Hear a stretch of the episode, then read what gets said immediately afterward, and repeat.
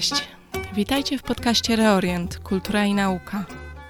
Nazywam się Ewa Górska i w tym podcaście razem z moimi gośćmi opowiadam o zjawiskach społecznych, zwyczajach kulturowych i wierzeniach w różnych zakątkach świata, które są mało znane w Polsce, a którymi my zajmujemy się naukowo. Więcej informacji o nas i tematach tu poruszanych możecie znaleźć w opisie odcinka na Facebooku, Instagramie i stronie reorient.pl. Hatem i Huda pochodzili z małej miejscowości w Syrii. Od 17 lat byli szczęśliwym małżeństwem, ale cały czas nie mogli doczekać się dzieci. Kiedy była młodsza, u Chudy zdiagnozowano niewydolność jajników. Już w wieku 20 lat weszła w okres menopauzy. Według lekarzy jedyną możliwością zajścia przez nią w ciążę było leczenie hormonalne i skorzystanie z usług in vitro. W 1997 roku Hatem i Huda zaczęli regularnie wyjeżdżać do nieodległego Bejrutu w Libanie. W kilka lat później z jednego z wyjazdów Huda wróciła w ciąży z bliźniakami. Jednak stresowała się bardzo, że jej mała społeczność zauważy, że dzieci nie są do niej podobne.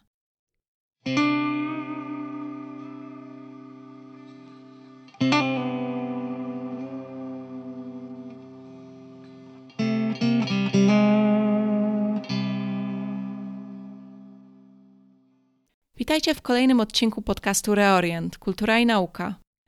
To znowu odcinek solowy, w którym dzielę się z Wami wiedzą z moich własnych badań naukowych dotyczących bioetyki w islamie. Ten odcinek dotyczy muzułmańskich stanowisk i poglądów na stosowanie zapłodnienia pozaustrojowego in vitro, a także zjawiska tzw. Tak turystyki reprodukcyjnej w Libanie.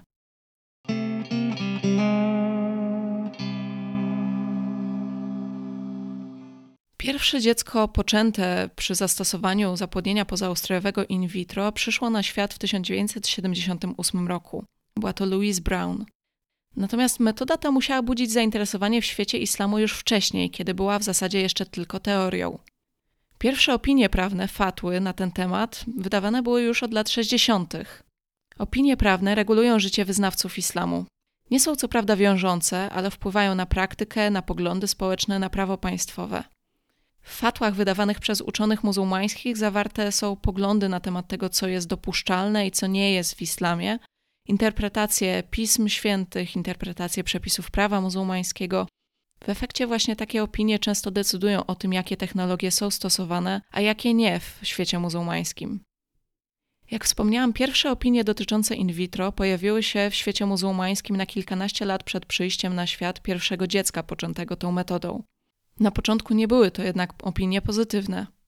Na przykład w latach 60. libański szejk szyicki uznał, że każda forma sztucznej prokreacji jest w islamie zabroniona. Podobne opinie pojawiały się na przykład w Egipcie i innych państwach muzułmańskich. Z biegiem czasu jednak, zwłaszcza już po narodzinach tego pierwszego dziecka z in vitro, opinie zaczęły się zmieniać. I od lat 80. można już mówić o fatłach pozytywnych i generalnie pozytywnym nastawieniu islamu do stosowania metod in vitro i innych form zapłodnienia pozaustrojowego.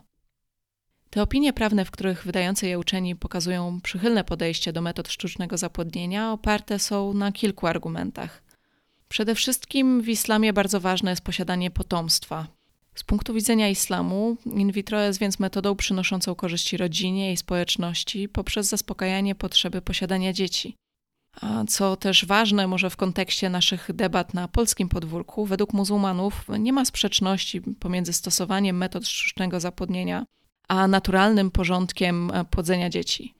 Według większości muzułmanów, czy przynajmniej muzułmańskich uczonych, skoro Bóg pozwolił ludziom odkryć i stosować techniki sztucznego zapłodnienia, to nic nie może dziać się bez jego udziału i niemożliwe jest, żeby człowiek na przykład bawił się w Boga stosując takie technologie. Człowiek ma oczywiście obowiązek dbać o to, żeby przy stosowaniu odkryć naukowych innym istotom i innym ludziom nie działa się krzywda. Natomiast w wypadku etycznie prowadzonego in vitro uczeni muzułmańscy krzywdy tej nie widzą. Nakładają obostrzenia na stosowanie, mm, ale o tych obostrzeniach jeszcze za chwilę. W każdym razie to, co tutaj jest ważne, to to, że muzułmańscy uczeni generalnie są pozytywnie nastawieni do in vitro, a ze względu na to w całym regionie Bliskiego Wschodu przemysł takich e, technik wspomaganego rozrodu prężnie się rozwija. Z drugiej strony jednak istnieją duże różnice w podejściu do stosowania in vitro między sunnitami i szyitami.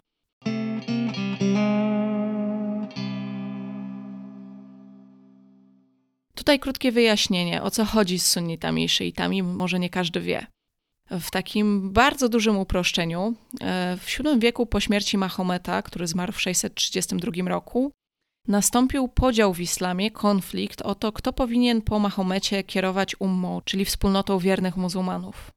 Tak zwani sunnici, czyli podążający za tradycją, luźno tłumacząc, uznali, że kalifowie, a więc przewodnicy społeczności, powinni rekrutować się spośród najbliższych towarzyszy proroka.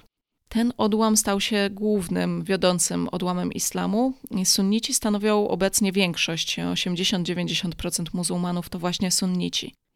Szyici to drugi największy odłam. Szyici, czyli tak zwane stronnictwo Alego, Shiat Ali, uważali, że po śmierci Mahometa zwierzchnictwo w jego społeczności powinno należeć do Alego, krewnego proroka i jednocześnie męża córki Mahometa, Fatimy. Uważali, że kalifat powinien zostać w rękach rodziny i to właśnie krewni powinni przejąć tą schedę. To stronnictwo jednak stało w mniejszości. Po śmierci proroka przegrało pierwsze bitwy o władzę i do tej pory tak naprawdę jest mniejszością. Szyici dominują na przykład w Iranie, Azerbejdżanie, Iraku czy Bahrajnie, a duże mniejszości szyitów znajdują się także w Jemenie, Kuwejcie, właśnie na przykład Libanie i w innych państwach. Podział na sunnitów i szyitów to główny podział w islamie. Co prawda są jeszcze różne odłamy i inne mniejszości, ale są w stosunku do tych dwóch raczej marginalne. I podziały i różnice między sunnitami i szyitami dotyczą wielu kwestii: mm, praktyki religijnej, kultury religijnej, e, sposobu czczenia, tego, kto jest czczony tak naprawdę, e, autorytetów religijnych. E, często też te podziały i współzawodnictwo odzwierciedlane są na polu politycznym. Natomiast dziś tutaj nie będę już głębiej wchodzić w ten podział. Pokażę Wam tylko różnice pomiędzy sunnitami i szyitami właśnie na polu stosowania in vitro. Tak więc sunnici uważają, że zapłodnienie pozaustrojowe in vitro, tak jak inne metody wspomagania rozrodczości, są um, pozytywnie oceniane w islamie, w zasadzie może nawet zalecane, jeśli pomagają małżonkom e, mieć dzieci. Natomiast to, co ważne, to to, że według sunnitów in vitro może być zastosowane tylko pomiędzy legalnie poślubionymi małżonkami. E, I zarówno jajeczko, jak i plemnik muszą pochodzić właśnie od tych małżonków. Wbrew pozorom, zastosowanie in vitro w islamie, mm, czy ściślej w sunnizmie, nie jest w ogóle takim e, bardzo nowoczesnym problemem, bo już w średniowiecznej muzułmańskiej literaturze prawniczej, właśnie sunnickiej, pojawiały się rozważania i pojawiało się przyzwolenie na to, aby kobieta sama się zapłodniła spermą męża, jeśli ten mąż z jakiegoś powodu był niedostępny, ale byli małżonkami.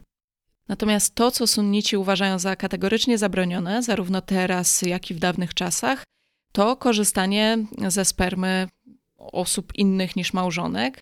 I obecnie, ze względu na różne możliwości technologiczne, ten zakaz rozszerzany jest także na stosowanie jajeczek od innych kobiet czy zarodków pochodzących od osób trzecich. Tutaj może krótko wyjaśnię. Tak zwaną donację gamet, czyli spermy lub jajeczka, stosuje się nie tylko kiedy na przykład samotna kobieta chce zajść w ciążę i korzysta z banku spermy, Mm, ale jest też coś takiego jak donacja terapeutyczna, czyli na przykład wtedy, gdy jedno z partnerów cierpi na bezpłodność nieuleczalną albo jest nosicielem choroby genetycznej, mm, istnieje duże prawdopodobieństwo, czy nawet pewność, że przekaże tą chorobę potomstwu, to można zastosować taką donację mm, spermy czy jajeczka ze względów medycznych, czy ze wskazaniem medycznym. Istnieje także możliwość wszczepienia kobiecie starającej się o dziecko embrionu pochodzącego od innej pary, na przykład takiej, która przeszła proces in vitro i zamroziła część zarodków, e, i taki zarodek wszczepia się kobiecie, która stara się o dziecko. I właśnie korzystaniu z takich gamet i zarodków, nawet jeśli e, byłaby to donacja, która byłaby medycznie uzasadniona, sprzeciwiają się sunnici, Podobnie sprzeciwiają się też surogacji, czyli donoszeniu ciąży przez inną kobietę niż ta, która jest częścią pary, która stara się o dziecko. Sunnici, sprzeciwiając się wszelkim tego typu praktykom medycznym, opierają się przede wszystkim na argumencie dotyczącym ochrony tradycyjnej rodziny, a więc związku mężczyzny i kobiety. Myślę, że to nawet brzmi znajomo w kontekście polskim. E, uważając, że małżeństwo, ale też więzy krwi pomiędzy rodziną, a więc dziećmi i rodzicami biologicznymi, są e, na tyle ważne i na tyle uświęcone, że nie można w żaden sposób im zagrażać.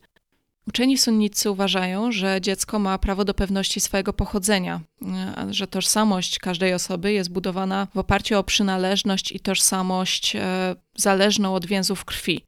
Więc dziecko ma prawo wychowywać się wśród swoich krewnych i być pewnym, znać swoje pochodzenie genetyczne, znać swoich rodziców. W takim podejściu do pewności pochodzenia tradycyjnie tak naprawdę nie chodziło o prawa dziecka, tylko o zabezpieczenie dziedziczenia na podstawie pochodzenia, e, ponieważ w islamie domniemywa się, że przy naturalnym poczęciu mąż kobiety jest ojcem dziecka, tak zresztą jak i w polskim prawie cywilnym. Dlatego wszelkie ingerencje w rozrodczość noszą ze sobą ryzyko tego, że trudniej będzie ustalić kwestie spadkowe, mm, kwestie jasnego pokrewieństwa.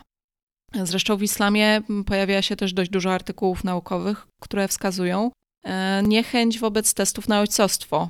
W prawie muzułmańskim nie ma też adopcji w sensie przysposobienia pełnego. Można więc opiekować się nie swoim dzieckiem, ale nie można przyjąć go prawnie do rodziny jak swojego.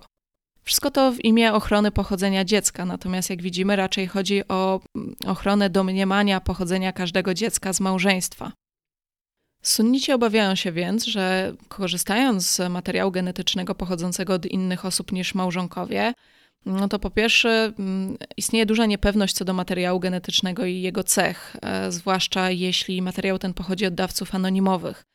A więc i rodzice, i dziecko mogą nie mieć pełnego dostępu do informacji medycznych. Istnieje także według sunnitów możliwość manipulacji, a więc nieuczciwej informacji o pochodzeniu gamet, e, zamiana ich, błędy medyczne. Mm, każda taka interwencja ma według nich też duże konsekwencje rodzinne, zdrowotne, prawne i społeczne. Z drugiej strony, jeśli chodzi o stosowanie w praktyce technologii in vitro w świecie sunnickim, to są one bardzo rozwinięte. Poza tym, że w całym świecie muzułmańskim, sunnickim istnieje bardzo dużo klinik e, oferujących e, usługi in vitro, to możliwe jest też na przykład zamrożenie gamet lub zarodków, ale w tym wypadku takie gamety i zarodki muszą być koniecznie wykorzystane tylko pomiędzy małżonkami i za życia obojga małżonków, ponieważ w islamie po śmierci jednego z małżonków małżeństwo wygasa. Tutaj oczywiście czasami zdarzają się jakieś wyjątki i na przykład była głośna sprawa w Egipcie, w której uczeni muzułmańscy pozwolili żonie na zapłodnienie nasieniem męża, który mm, dopiero co zmarł. Natomiast była to mm, wyjątkowa sprawa, bo para ta jechała właśnie samochodem do kliniki in vitro, żeby skorzystać z zamrożonych gamet czy zarodków. I ten mąż zginął e, w wypadku drogowym właśnie w drodze do tej kliniki in vitro. Dlatego uczeni muzułmańscy wtedy zrobili wyjątek. Pewnie przyczyniło się do tego to, że była to para celebrytów. Mm, natomiast generalnie gamety te muszą być mm, wykorzystane za życia pary. Wykluczone są banki jajeczek, spermy, e, korzystanie z zarodków z innych miejsc. Wszystko to ze względu właśnie na te zasady, o których wspomniałam wcześniej. Według sunnitów wszelkie inne formy in vitro, mm, takie jak właśnie korzystanie z gamet osób trzecich czy surogacja, są po prostu formą cudzołóstwa, zina, które jest zabronione w prawie muzułmańskim. Jeśli chodzi o szyitów, to z kolei zdania na temat korzystania z in vitro, a przede wszystkim gamet od osób trzecich, są bardzo podzielone pomiędzy czołowymi uczonymi szyickimi. Generalnie szyici szerzej dopuszczają różne techniki związane z in vitro. Na przykład Ayatollah Khamenei z Iranu dopuścił w niektórych opiniach korzystanie z gamet osób trzecich, a więc spermy i jajeczek, Pozwolił też na zapłodnienie spermą od anonimowego dawcy i nawet surrogację. W fatłach innych ajatollahów z Iranu, Libanu, Iraku zdania są jeszcze bardziej podzielone. Niektórzy uczeni wypowiadali się na początku XXI wieku nawet za legalizacją wszystkich możliwych form zapłodnienia pozaustrojowego, uznając, że skoro Bóg pozwolił je odkryć, to są one możliwe do wykorzystywania i stosowania w praktyce – Natomiast inni absolutnie się sprzeciwiają e, takiej dowolności i uważają, że wszystkie takie usługi trzeba kontrolować. Opinie te też się zmieniały i zmieniają. I na przykład, mimo że Ayatollah Khamenei pozwolił na korzystanie z e, gamet osób trzecich, to później w Iranie stwierdzono, że w wypadku korzystania ze spermy od dawcy pojawia się jednak problem cudzołóstwa. Dlatego w końcu w Iranie zakazano wykorzystywania spermy od e, innych mężczyzn, a więc banków spermy. Niektóre pary szyickie zaczęły jednak wykorzystywać e, inną cechę charakterystyczną szyizmu, czyli istnienie w szyizmie tak zwanych małżeństw czasowych.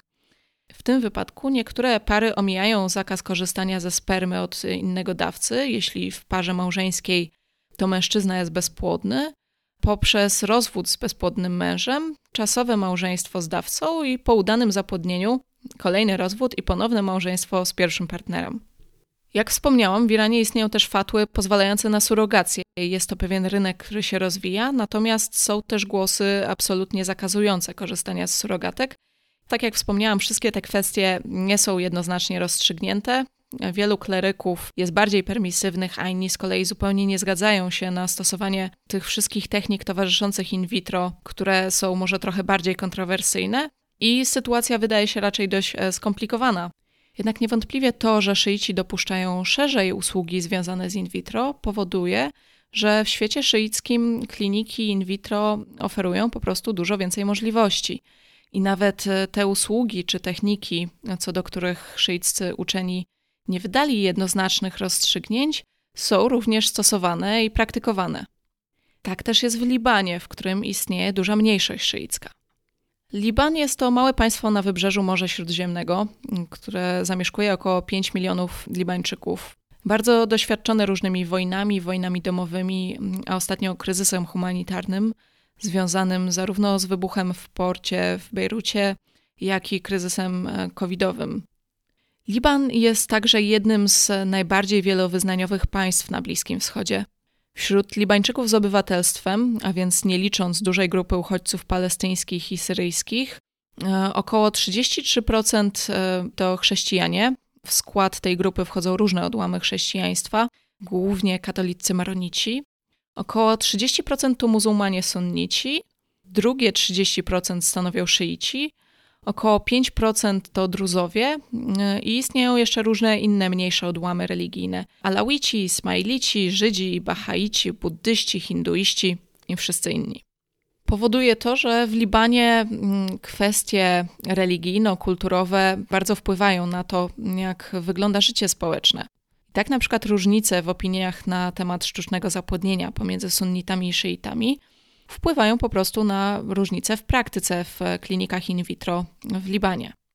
Właśnie w oparciu o te szyickie opinie, w których więcej jest przyzwolenia na różnego rodzaju usługi, zwłaszcza korzystanie z gamet pochodzących od osób trzecich niż tylko małżonkowie starający się o dziecko, to nie tylko w Iranie, ale też w szyickich klinikach w Libanie wykonywane są procedury, których w sunnickich krajach przeprowadzać w ogóle nie można.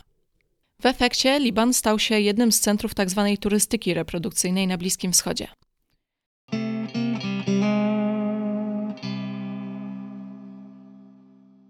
Turystyka reprodukcyjna, mm, inaczej nazywana turystyką prokreacyjną, e, polega na podróżowaniu w celu skorzystania z usług z zakresu medycznie wspomaganej rozrodczości, czyli zwłaszcza sztucznego zapłodnienia czy zapłodnienia in vitro, przede wszystkim e, poza granice własnego kraju. Mm, taka turystyka jest częścią tak zwanej turystyki medycznej, czyli szerszego zjawiska, które polega na szukaniu w ogóle leczenia poza granicami swojego kraju, ze względu najczęściej na to, że dane usługi medyczne są w tym kraju niedostępne. Turystyka medyczna może być też motywowana mm, kwestiami takimi jak jakość leczenia, po prostu uznaniem, że za granicą to leczenie jest lepsze. Często też zdarza się, że mm, turystyka medyczna jest uzasadniona chęcią ukrycia przez pacjentów leczenia e, przed ich otoczeniem, czy to rodziną, czy sąsiadami, z jakiegoś powodu wstydzą się choroby, czy podejmowanego właśnie jej leczenia. E, no i oczywiście, jak we wszystkim, bardzo ważnym powodem często są kwestie finansowe, czyli po prostu wiele procedur za granicą jest tańszych.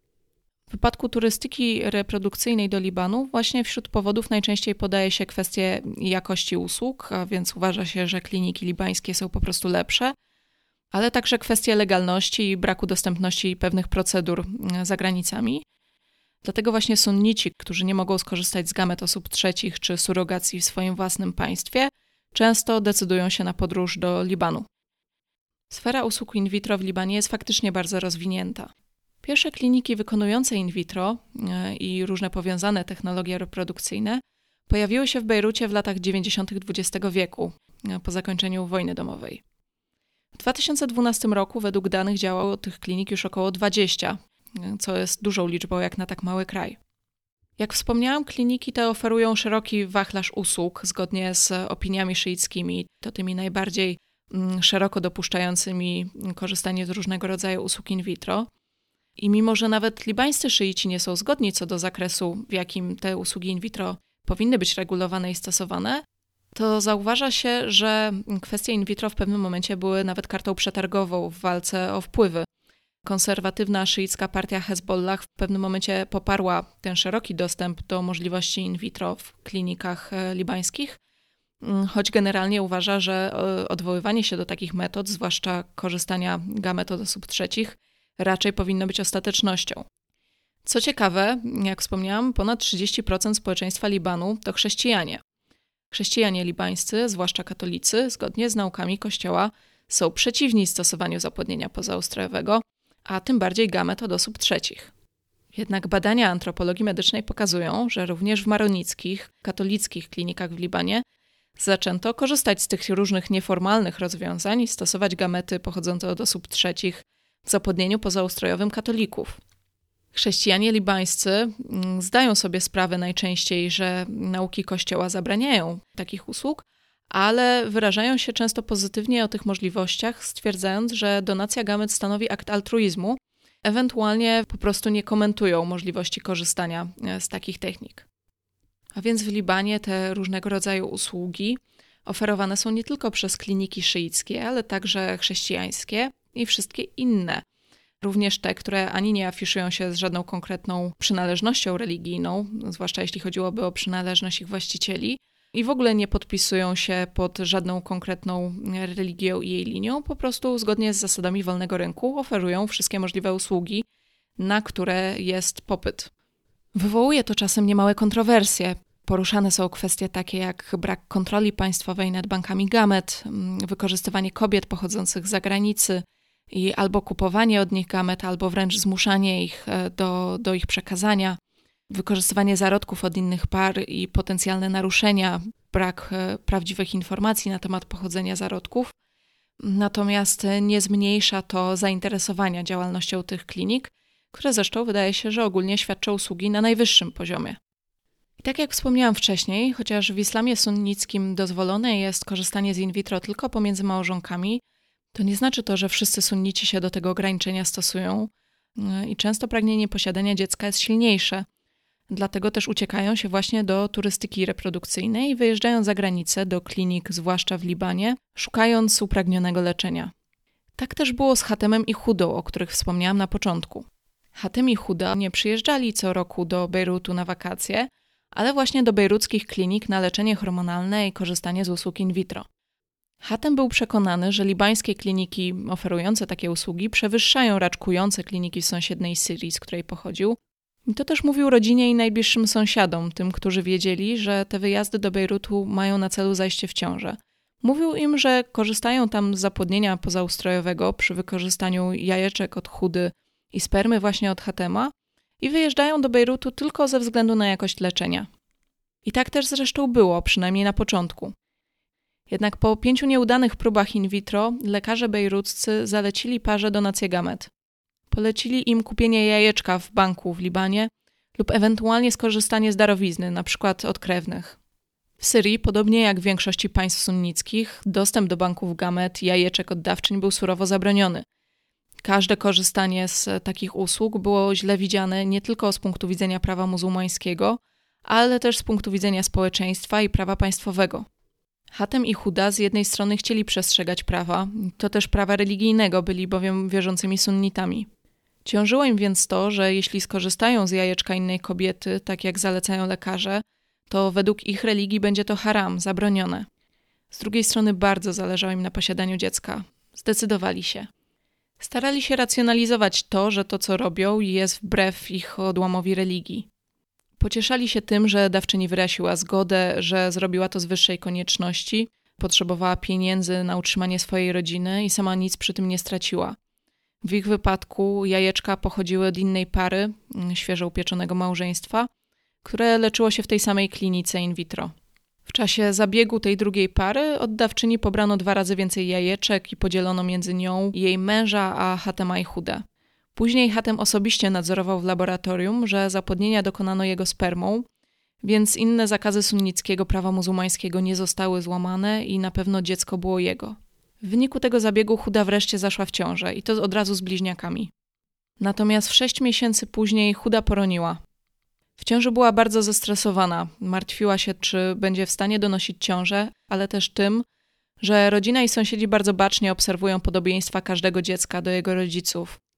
Ich mała wiejska społeczność syryjska nie wiedziała, jakie jest dokładnie pochodzenie dziecka i raczej nie zaakceptowałaby prawdy o tym, że Hatem i Huda skorzystali z jajeczka innej kobiety. Kiedy Huda poroniła, była to ogromna tragedia dla małżeństwa. Huda popadła w depresję i nie chciała już przechodzić kolejnej próby in vitro. Hatem z kolei był bardzo zdeterminowany i już od razu zaczął szukać potencjalnych dawców wśród szyickiej mniejszości w Syrii. I Hatem i Huda bardzo chcą mieć dzieci. Hatem bardzo chce mieć dzieci właśnie z Hudą, ukochaną żoną. Mimo, że rodzina i sąsiedzi już wielokrotnie doradzali mu, żeby się rozwiódł lub ewentualnie wziął drugą żonę. W prawie muzułmańskim bezpłodność jednego z małżonków jest podstawą do rozwodu. Z drugiej strony, teoretycznie możliwe są również, przynajmniej z punktu widzenia prawa muzułmańskiego, małżeństwa poligeniczne, czyli z wieloma żonami. Choć takie małżeństwa są obecnie raczej rzadkie we współczesnym świecie muzułmańskim, a w wielu krajach zupełnie zabronione przez prawo państwowe, to na terenach wiejskich ciągle się zdarzają. Hatem na przykład miał 19 rodzeństwa, ponieważ jego ojciec miał trzy żony. Natomiast my mówimy tutaj o przełomie wieków XX i XXI. Hatem bardzo kocha Chudę, nie chce mieć ani drugiej żony, ani się rozwieść z Chudą. W końcu namówił Chudę na kolejny cykl in vitro. Ten siódmy już cykl znowu był nieskuteczny.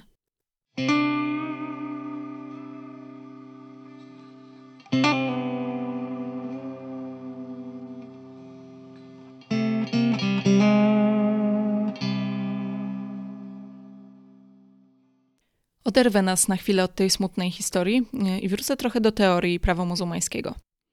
Bo co by było, gdyby jednak Huda donosiła ciążę i urodziła bliźniaki? Czy ona byłaby z punktu widzenia prawa muzułmańskiego matką tych dzieci, czy jednak dawczyni jajeczka? Chociaż sunnici nie zgadzają się na legalność w ogóle takiej możliwości, że inna kobieta urodzi dziecko z gamety pochodzącej od innej kobiety, to nawet oni rozważali ten problem, przynajmniej teoretycznie, i wydawali fatły, przykład w Egipcie czy Palestynie. Sunnitcy uczeni uznają, że w takiej sytuacji matką jest raczej kobieta, która rodzi dziecko. Opierają się tutaj o werset koraniczny. Uważają, że dawczyni jajeczka raczej nie powinna mieć żadnych praw ani do dziecka, ani nawet do relacji z nim. Stosując takie podejście, chuda urodziłaby bliźniaki i byłaby w pełni ich matką, dawczyni nie mogłaby mieć żadnych roszczeń co do dzieci. Z drugiej strony, przynajmniej w teorii, dopuszczalne jest zastosowanie starych zasad muzułmańskich dotyczących specjalnych praw tzw. Tak matki mlecznej, czyli mamki, która tradycyjnie karmiła nie swoje dzieci. Według prawa muzułmańskiego pomiędzy dzieckiem karmionym a mamką i jej rodziną powstają w pewnym zakresie relacje przypominające więzy rodzinne. Mamka, a nawet jej mąż uzyskują status podobny biologicznym rodzicom, a dzieci matki mlecznej stają się rodzeństwem dziecka karmionego. To oznacza, że na przykład obowiązuje zakaz ślubów e, pomiędzy dziećmi mamki i dzieckiem karmionym ze względu na pokrewieństwo. Za taką relacją nie idą jednak ani prawa do dziedziczenia, ani zobowiązania rodziny mlecznej w zakresie np. utrzymania i wychowania dziecka karmionego. Niektórzy podnoszą, że dawczyni gamety właśnie mogłaby mieć podobny status, a więc dziecko bezpośrednio dziedziczyłoby na przykład e, po matce, która je urodziła, i to ta kobieta miałaby pełne obowiązki i prawa, Natomiast dawczyni gamet nie zostawałaby zupełnie bez żadnych praw do relacji z dzieckiem. Problem ten rozważany był oczywiście też przez szyitów, którzy dopuszczają takie możliwości technologiczne, a więc jest to problem dużo mniej teoretyczny, a bardziej praktyczny. Ayatollah Khamenei uważał na przykład, że w wypadku surogacji to dawcy gamet powinni być uznawani za rodziców, a więc dawcy biologiczni. Inny Ayatollah Fadlallah oraz Ayatollah Al-Hoi uważają, że to kobieta rodząca jest matką, podobnie tak jak uważają sunnici. Z drugiej strony ci sami uczeni uważają, że raczej dziecko będzie dziedziczyło po rodzicach biologicznych, a więc dawcach materiału genetycznego i tutaj już komplikuje to sprawę. Koniec końców między szyitami nie ma jasnego rozstrzygnięcia tej sprawy mm, dotyczącej macierzyństwa, co jest bardzo ciekawe, biorąc pod uwagę, że właśnie szyici dopuszczają stosowanie gamet od osób trzecich i surrogację. Jak mogliście usłyszeć, in vitro jest w islamie pozytywnie odbierane. ale jednak między sunnitami i szyitami istnieją duże różnice zdań co do zakresu jego stosowania. Przede wszystkim jeśli chodzi o korzystanie z jajeczek, spermy i zarodków pochodzących od osób trzecich niż małżonkowie starający się o dziecko. Rodzi to oczywiście różne komplikacje prawne, a także nowe zjawiska, jak na przykład turystyka reprodukcyjna do Libanu. Nie wiem, czy Chudzie i Hatemowi w końcu udało się zajść w ciążę, natomiast na pewno kliniki w Libanie nadal przyciągają wielu turystów reprodukcyjnych z okolicznych państw, wyznawców różnych religii. Władze Libanu też nie do końca regulują te procedury mm, poprzez prawo państwowe, głównie dlatego, że muszą nawigować pomiędzy różnymi odłamami religijnymi i ich różnymi wnioskami, zdaniami i postawami. Od czasu do czasu w mediach libańskich aż huczy od afer dotyczących naruszeń w klinikach in vitro, ale tak naprawdę raczej są to usługi na jakościowo najwyższym poziomie, a wiele z tych afer jest nakręcanych z jednej strony wnioskami społecznymi o to, żeby państwo lepiej wprowadzało regulacje różnych klinik tego typu, a z drugiej strony po prostu walkami politycznymi. Oferty klinik w Libanie w każdym razie nadal są bardzo zaawansowane i bardzo szerokie.